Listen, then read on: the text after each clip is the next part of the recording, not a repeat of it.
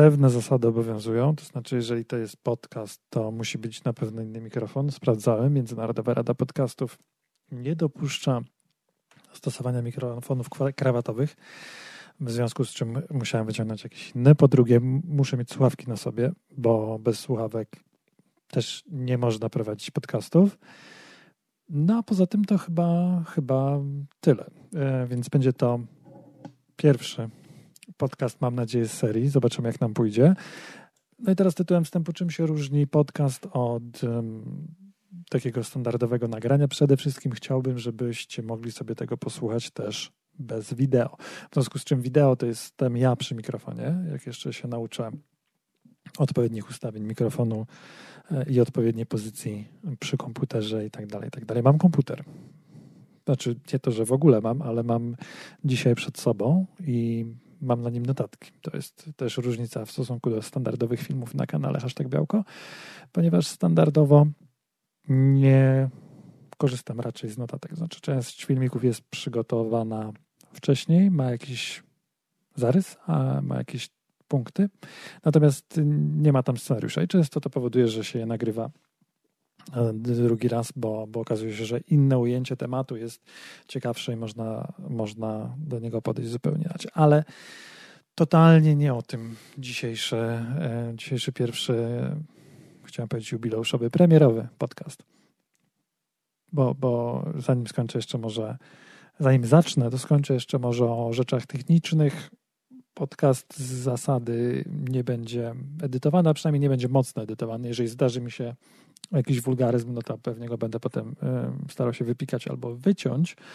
Natomiast to jest to, co, co jest. Dlaczego tak? Dlatego, że z, czasem chciałbym, żeby te podcasty były live'ami, to znaczy, żeby brali w nich udział też e, YouTube, telewizosłuchacze, subskrybenci czyli wszystkie osoby, które śledzą, czy to profil na LinkedInie, czy mnie na LinkedInie, czy mnie na ulicy, ostatnio chyba ktoś mnie śledził, e, ale wszystkie te osoby, które w jakiś sposób, jak to się pięknie po polsku mówi, followują hashtag białko i wszystko, co jest zwinne, agile'owe i tak dalej, e, zapraszam serdecznie do do udzielania się, bo jeżeli będziecie się udzielać w komentarzach, czy będziecie subskrybować, czy i tak dalej, i tak dalej, to jest bardzo duża szansa, że koniec końców e, te podcasty zamiast być nagrywane będą zapisywane. No, prawie to samo, ale będą live'ami. I to jest, e, to jest to, co wydaje mi się, że chciałbym. Tytułem wstępu, tym pierwszym razem, więc już około 3 minuty z, zużyliśmy na to, żeby, żebym ja mógł sobie pogadać o, o podcastach i wydaje mi się, że wystarczy. Także tematem pierwszego dzisiejszego, dłuższego niż zwykle dłuższe niż zwykle pogadanki, będzie transparentność. Transparentność, czyli przejrzystość, czyli coś, co jest mi bardzo bliskie, szczególnie w ostatnimi, ostatnimi czasy.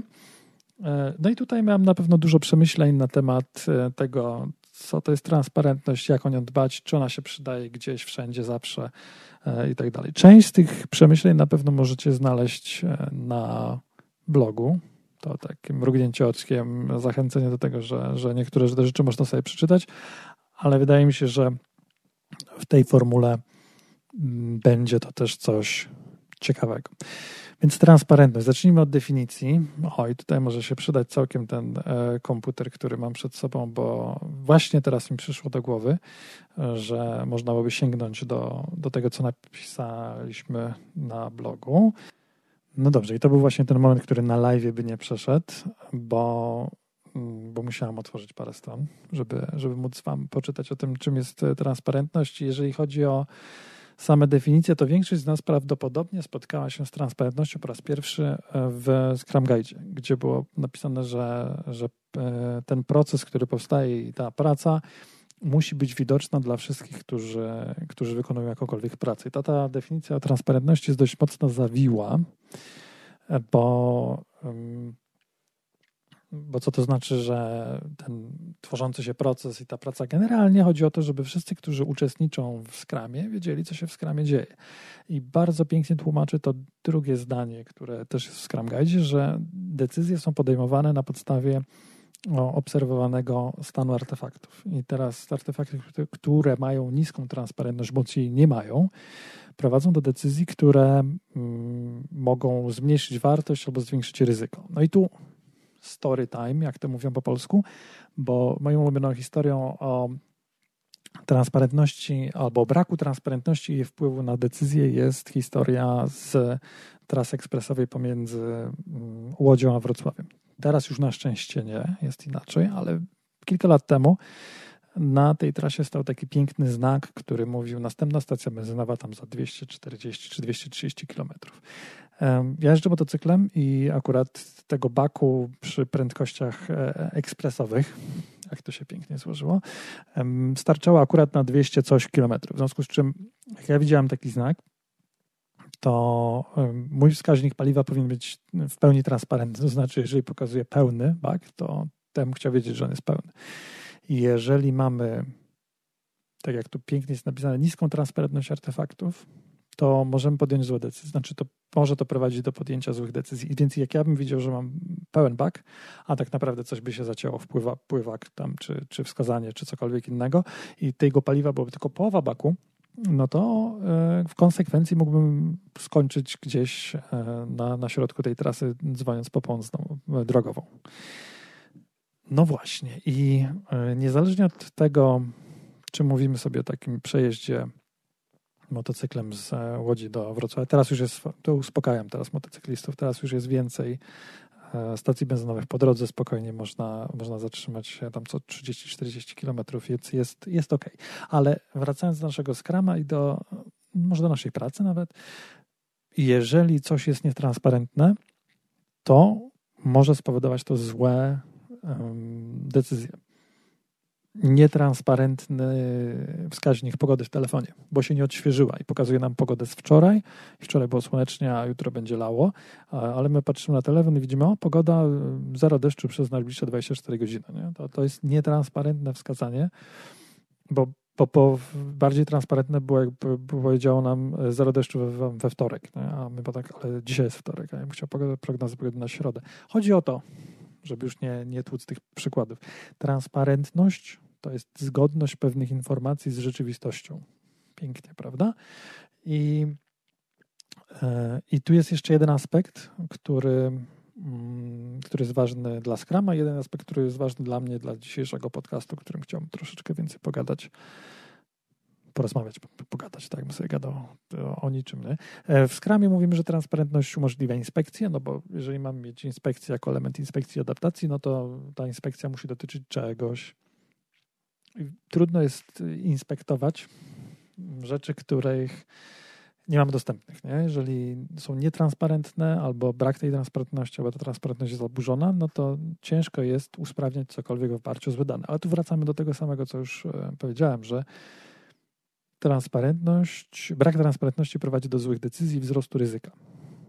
Ok, ten drugi aspekt transparentności, nie ten, który jest związany ze Scrum Guide'em i tam inspekcją, jako elementem inspekcji adaptacji, tylko e, ten drugi aspekt, który mi przyszedł do głowy, albo przychodzi zawsze do głowy, kiedy mówię o transparentności.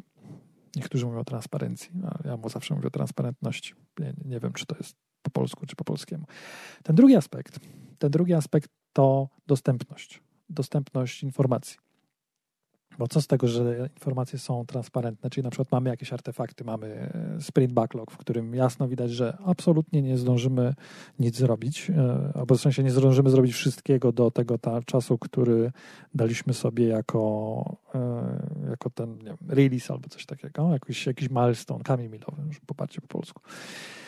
Więc co z tego, że to widzimy, skoro nikt nie ma do tego dostępu, nikt na to nie zareaguje. Nie? I wydaje mi się, że ten aspekt dostępności informacji jest często niedoceniany w kwestiach związanych z mm, transparentnością.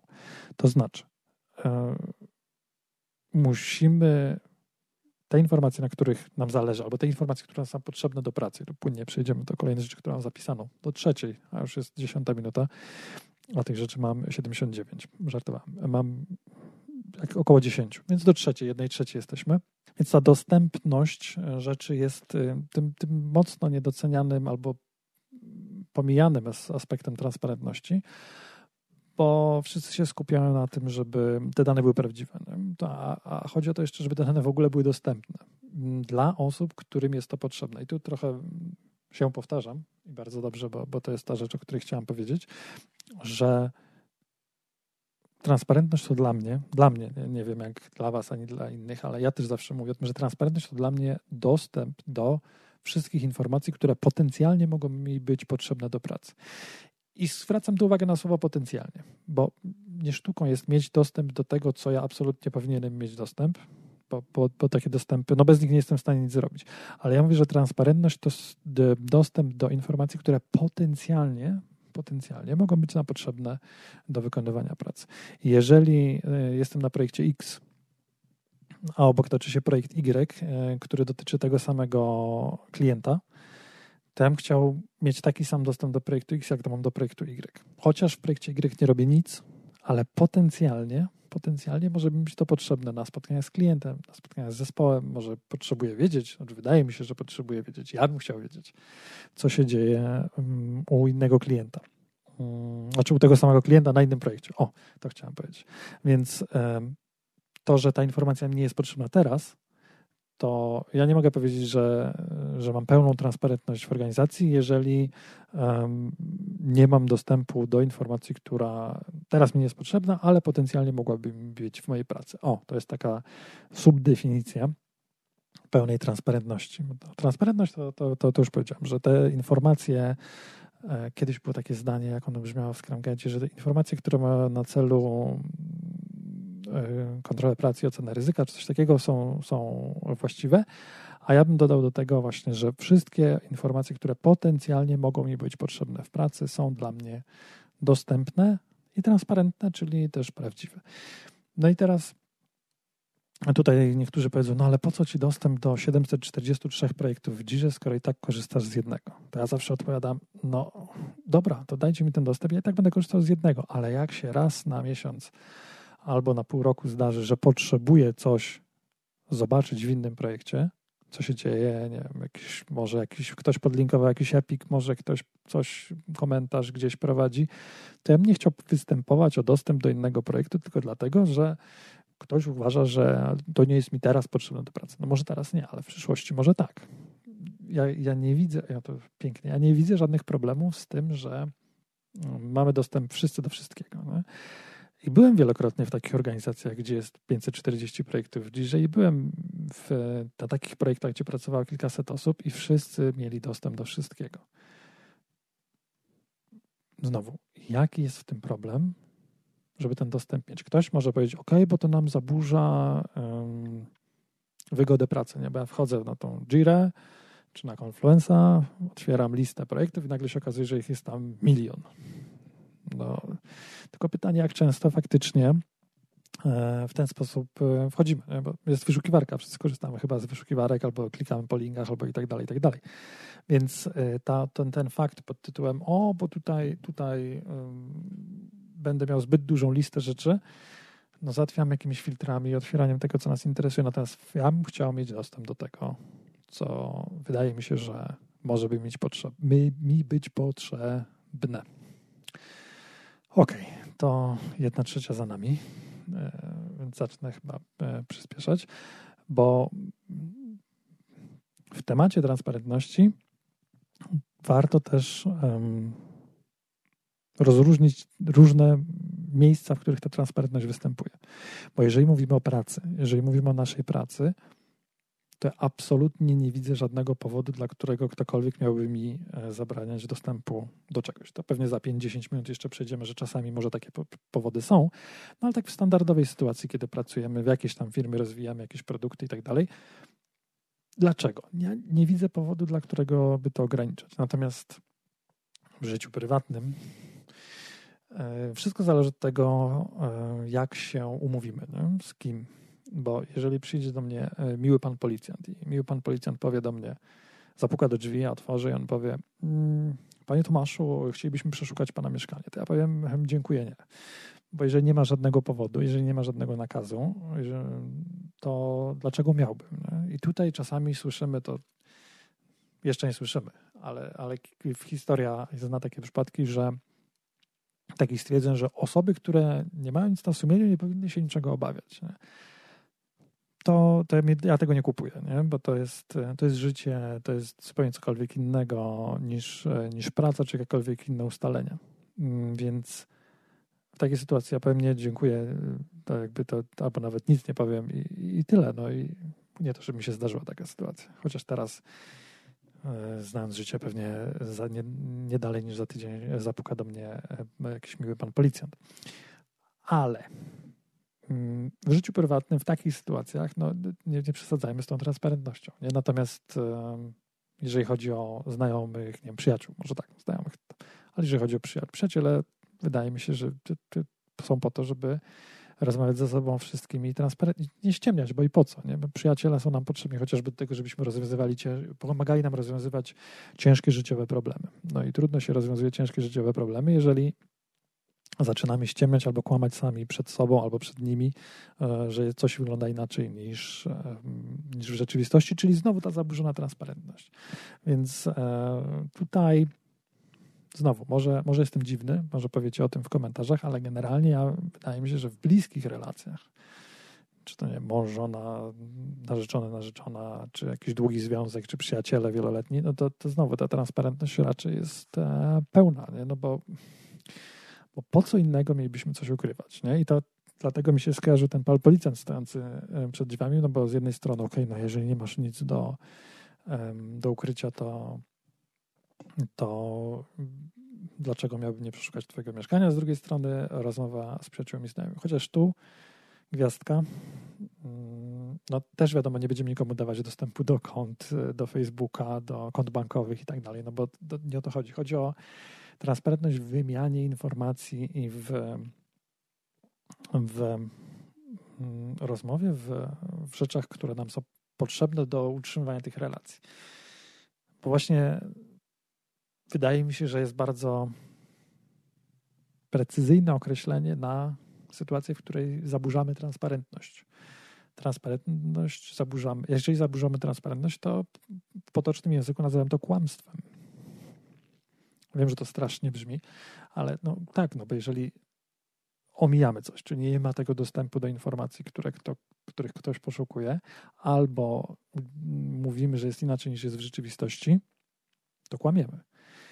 E, w przypadku, w przypadku naszych znajomych czy, czy jakichś tam e, relacji związkowych, no to ewidentnie jest kłamstwo, nie? Zawsze. I to znowu no, chyba druga gwiazdka dopiero w, e, w, tym, tym podcaście, pierwszym jubileuszowym, premierowym.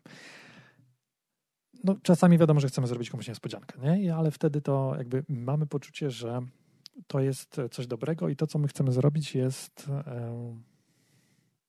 będzie miłe dla tej osoby, będzie dobre. Chodzi nam o coś dobrego. Nie? Natomiast w sytuacji braku transparentności, kiedy nie mamy tego poczucia, że robimy to, ponieważ chcemy, żeby ta osoba miała lepiej, może inaczej, bo to czasami ktoś próbuje tłumaczyć kłamstwa, że o, bo ja chciałem, żeby ktoś się nie przejmował. Nie. Jeżeli robimy coś dobrego dla, dla drugiej osoby i chcemy jeszcze jakiś czas to utrzymać w tajemnicy, czyli typowo niespodzianka, to, no to jest ok, nie? ale w każdym innym przypadku wydaje mi się, że brak transparentności można otwarcie nazwać kłamstwem. I wracając do pracy, bo pewnie część z Was słucha to po to, żeby, e, żeby polepszyć sobie relacje czy, czy sytuację w pracy, to w pracy każdy brak transparentności jest podejrzany. O, i to jest moja teza na dzisiaj. Jeżeli nie mamy do czegoś dostępu, albo ktoś nam nie mówi wszystkiego, albo ktoś nam mm, przekręca jakieś informacje, to ok, czasami kłamstwo, przeważnie kłamstwo, czasami coś innego, oszustwo, czasami e, próba oszustwa, albo czasami e, działanie na naszą niekorzyść. No bo powiedzmy sobie wprost, nie? jeżeli ktoś nam nie daje pewnych informacji, albo ktoś nam przeinacza pewne informacje, to my na tym tracimy, nie? bo to jest brak, tra brak transparentności, czy też transparencji, co jak powiedzieliśmy na samym, samym wstępie prowadzi do błędnych decyzji i zwiększonego ryzyka. Czyli ktoś, będąc nietransparentnym, działa na naszą szkodę wprost. Może to się nic nie, nie zmaterializować, to znaczy to ryzyko może się nie zmaterializować. Możemy mimo wszystko, tego, że nie, mimo tego, że nie mamy pełnej transparentności, możemy podjąć dobrą decyzję. No ale jest to utrudnione nie? w sytuacji, w której ta, tej transparentności brakuje. I tutaj wysuwam kolejną tezę. Za każdym razem, kiedy ktoś zaburza tę transparentność, to ta osoba wie, że robi źle. Jeżeli mamy jakąś umowę z klient, dostawca, cokolwiek innego i pewne zapisy tej umowy są, nie stosujemy się do nich, nie? to w przypadku pełnej transparentności byśmy powiedzieli, hej, e, słuchajcie, no tutaj mamy taką sytuację, sorry, no jakby nie, nie dotrzymaliśmy tych zapisów, e, spróbujmy coś wymyśleć, nie? albo nawet wtedy możemy po, powiedzieć, że no, wiemy, że są kary umowne, ale to jakby to nie jest duże przekroczenie, czy możemy się dogadać. Nie? I bardzo często okazuje się, że się możemy dogadać. Mm, jakiś czas temu nagrałem takiego shorta, w którym mówiłem, że wszystkie powody, które dajemy przed wystąpieniem jakiejś sytuacji, to są powody. Rzeczy, które mówimy po wystąpieniu danej sytuacji, to są wymówki. Więc jeżeli my zaburzamy transparentność, czyli kłamiemy bądź działamy na czyjąś niekorzyść, a potem i reagujemy dopiero po tym, jak to wyjdzie, to jedyne, co możemy komuś zaoferować, to wymówki. Czyli możemy próbować jakoś wytłumaczyć, czemu to tak nastąpiło. Natomiast jeżeli chcemy to wytłumaczyć, zanim ktoś to odkryje, no to niestety musimy się do tego przyznać. Nie? Ale w ten sposób zwiększamy transparentność, no bo, bo mówimy jak jest, ale też dajemy sobie szansę na to, żeby podać jakieś powody, wytłumaczenie. To nie musi być zawsze dobry powód, to nie musi być e, zawsze dobre wytłumaczenie. Tak samo jak wymówki nie muszą być dobre, e, nigdy złe, zawsze złe. Mogą być e, złe wymówki, ale też mogą być dobre wymówki. Taki przykład chyba, który zresztą użyłem w tym, w tym szorcie, to było spóźnienie do pracy. Jeżeli informuję kogoś, hej, jutro mam wizytę u lekarza, mogę się spóźnić do pracy, to to jest powód spóźnienia. Nie? Jeżeli spóźnię się do pracy, ktoś się pyta, czemu się spóźniłeś, a ja odpowiadam, no bo byłem u lekarza, to to jest wymówka. Może i dobra, nie? ale kurczę, jednak Czemu nikt nie powiedział tego wcześniej? Czemu zabrakło tej transparentności rok wcześniej? Czemu tej informacji nie było? I znowu zobaczcie, że ta informacja może być komuś w ogóle niepotrzebna. To znaczy, nic mnie to nie obchodzi, że, że e, będziesz jutro spóźniony czy spóźniona. Ale przez to, że daliśmy komuś taką informację, czyli daliśmy komuś potencjalnie potrzebną informację, budujemy wiele zaufanie, budujemy transparentność, e, no i podajemy powody, a nie wymówki. To jest cała masa, cała paleta korzyści, tylko i wyłącznie związanych z tym, że mówimy o większej liczbie rzeczy, albo większej ilości rzeczy, niż powinniśmy. Nie? No bo ja cały czas wracam do tego, dlaczego wszyscy nie mają mieć dostępu do wszystkiego? Dlaczego nie powinniśmy wiedzieć wszystkiego o wszystkim? I tu odpowiedź na to pytanie chyba powinna zwieńczyć nam mm, to nagranie. Hmm, się zrymowało. Bo, bo dlaczego ktoś miałby nie mieć dostępu? No, odpowiedzi są, powody są dwa, które najczęściej słyszałem. Jeden to jest taki, że w pełni transparentne dane niektóre wymagają interpretacji albo wiedzy. Dane to jedno, ale interpretacja tych danych to dopiero jest wiedza. Jeżeli mamy wykres jakiś tam wiem, spalania czy czegokolwiek innego, na którym ewidentnie widać, że nasza wydajność dołuje.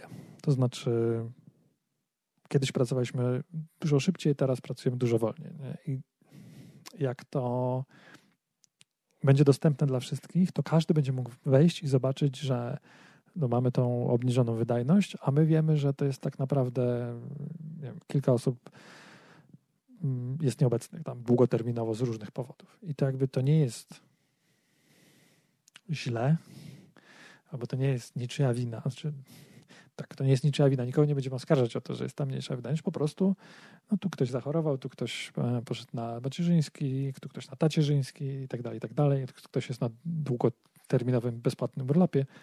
Różne rzeczy się zdarzają, nie? Ale E, więc e, takie słyszę argumenty czasami od, od przeciwników pełnej transparentności, że no, co z rzeczami, które wymagają interpretacji. Bo jak ktoś zobaczy, że tak jest, to od razu nas dojadą, że dlaczego wy, jak się obijacie i pracujecie tak wolno. No, no i to jest um, Odpowiedź na to wykracza poza ramy dzisiejszego podcastu. Może, może będziemy mieli inny podcast e, z kimś, na przykład z Arturem, który bardzo pięknie opowiada o patologicznych kulturach w organizacji. Bo takie sytuacja, w której każdy podejrzewa, że ktoś coś robi źle i generalnie musimy się wszyscy pilnować i um, kontrolować, no to jest patologiczna, patologiczna organizacja. Więc w ramach w ramach tego um, odłóżmy to na chwilę, w sensie w, w ramach transparentności.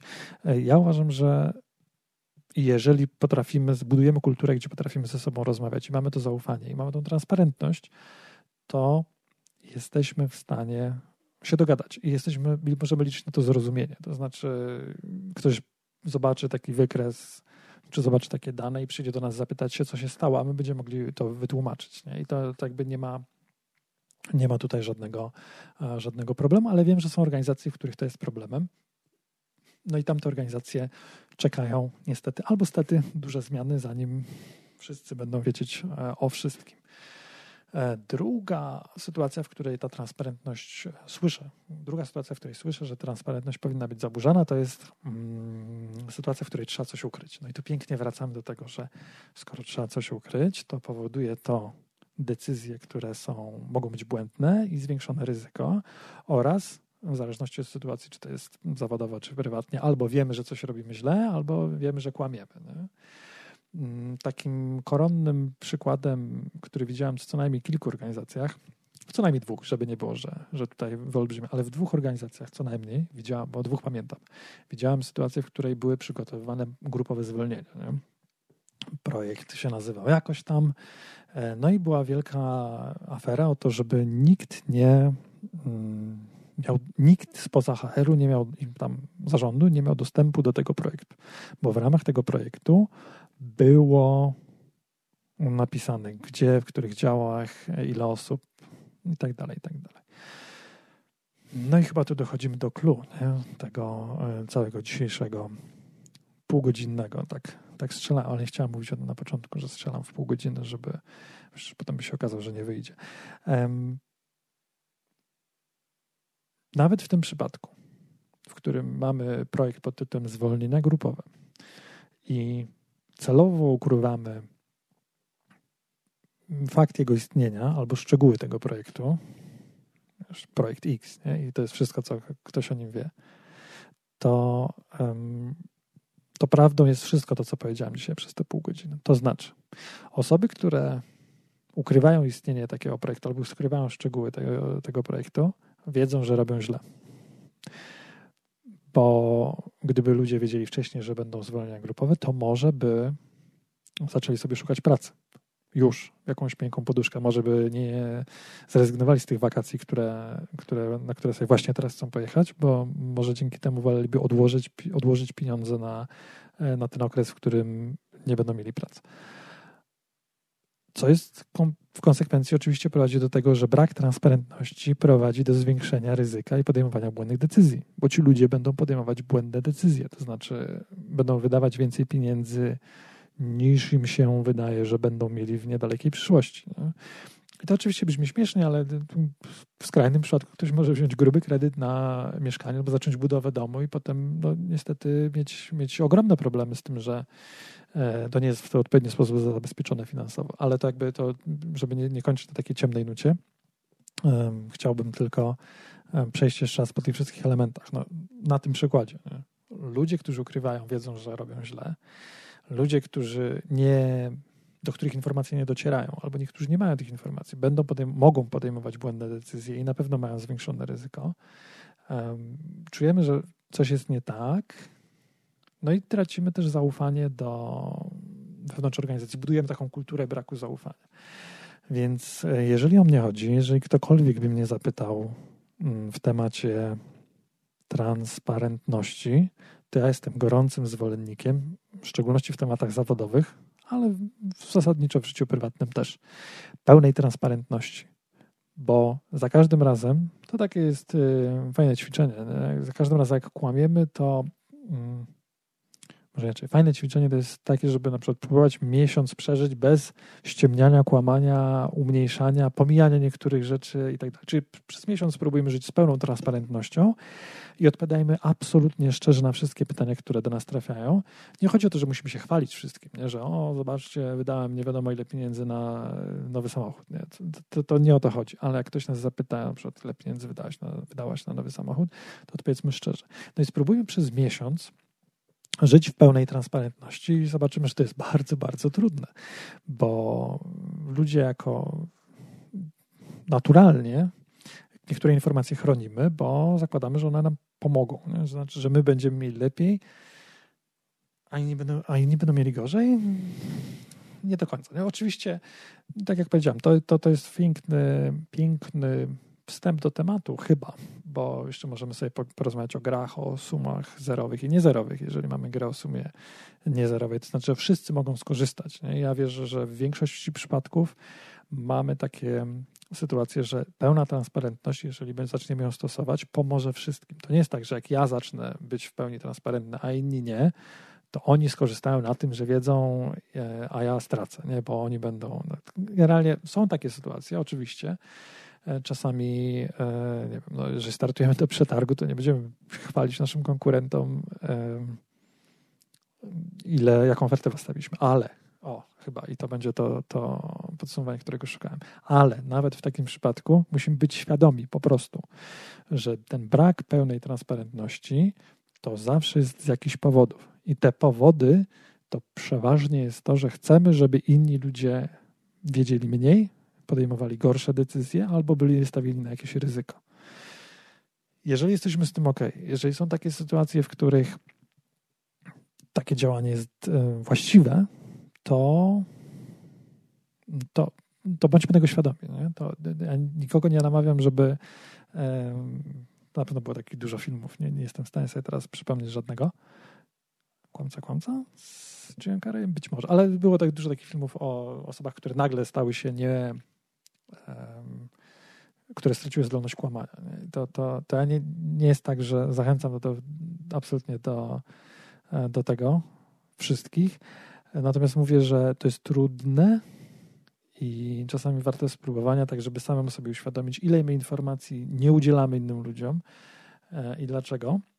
E, I w szczególności w sytuacjach mocno sformalizowanych, czyli w pracy, w biznesie, jeżeli mamy jakieś umowy, jakiekolwiek, czy to ustne, czy pisemne z dostawcami, klientami, współpracownikami, za każdym razem, kiedy coś zatajamy, co inni powinni wiedzieć, czy to w świetle tych umów, czy nawet w, jak to się pięknie mówi, w, w zamiarach, jakby tych, w literze, tak, w duchu, o, w duchu tych, tych naszych ustaleń, to, no to wiemy, że robimy coś złego. Nie? I, i tak jak powiedziałem, nie da się, o, teraz będzie tak głęboko na koniec, nie da się iść przez życie nie robiąc nic złego. Chodzi o to, żebyśmy byli świadomi, kiedy mm, zaburzamy tę transparentność, kiedy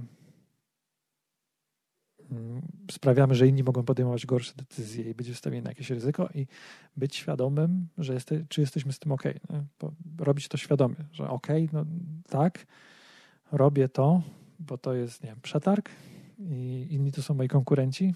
To nie jest gra o sumie niezerowej, to jest gra o sumie zerowej. Jak ja wygram, to oni przegrają.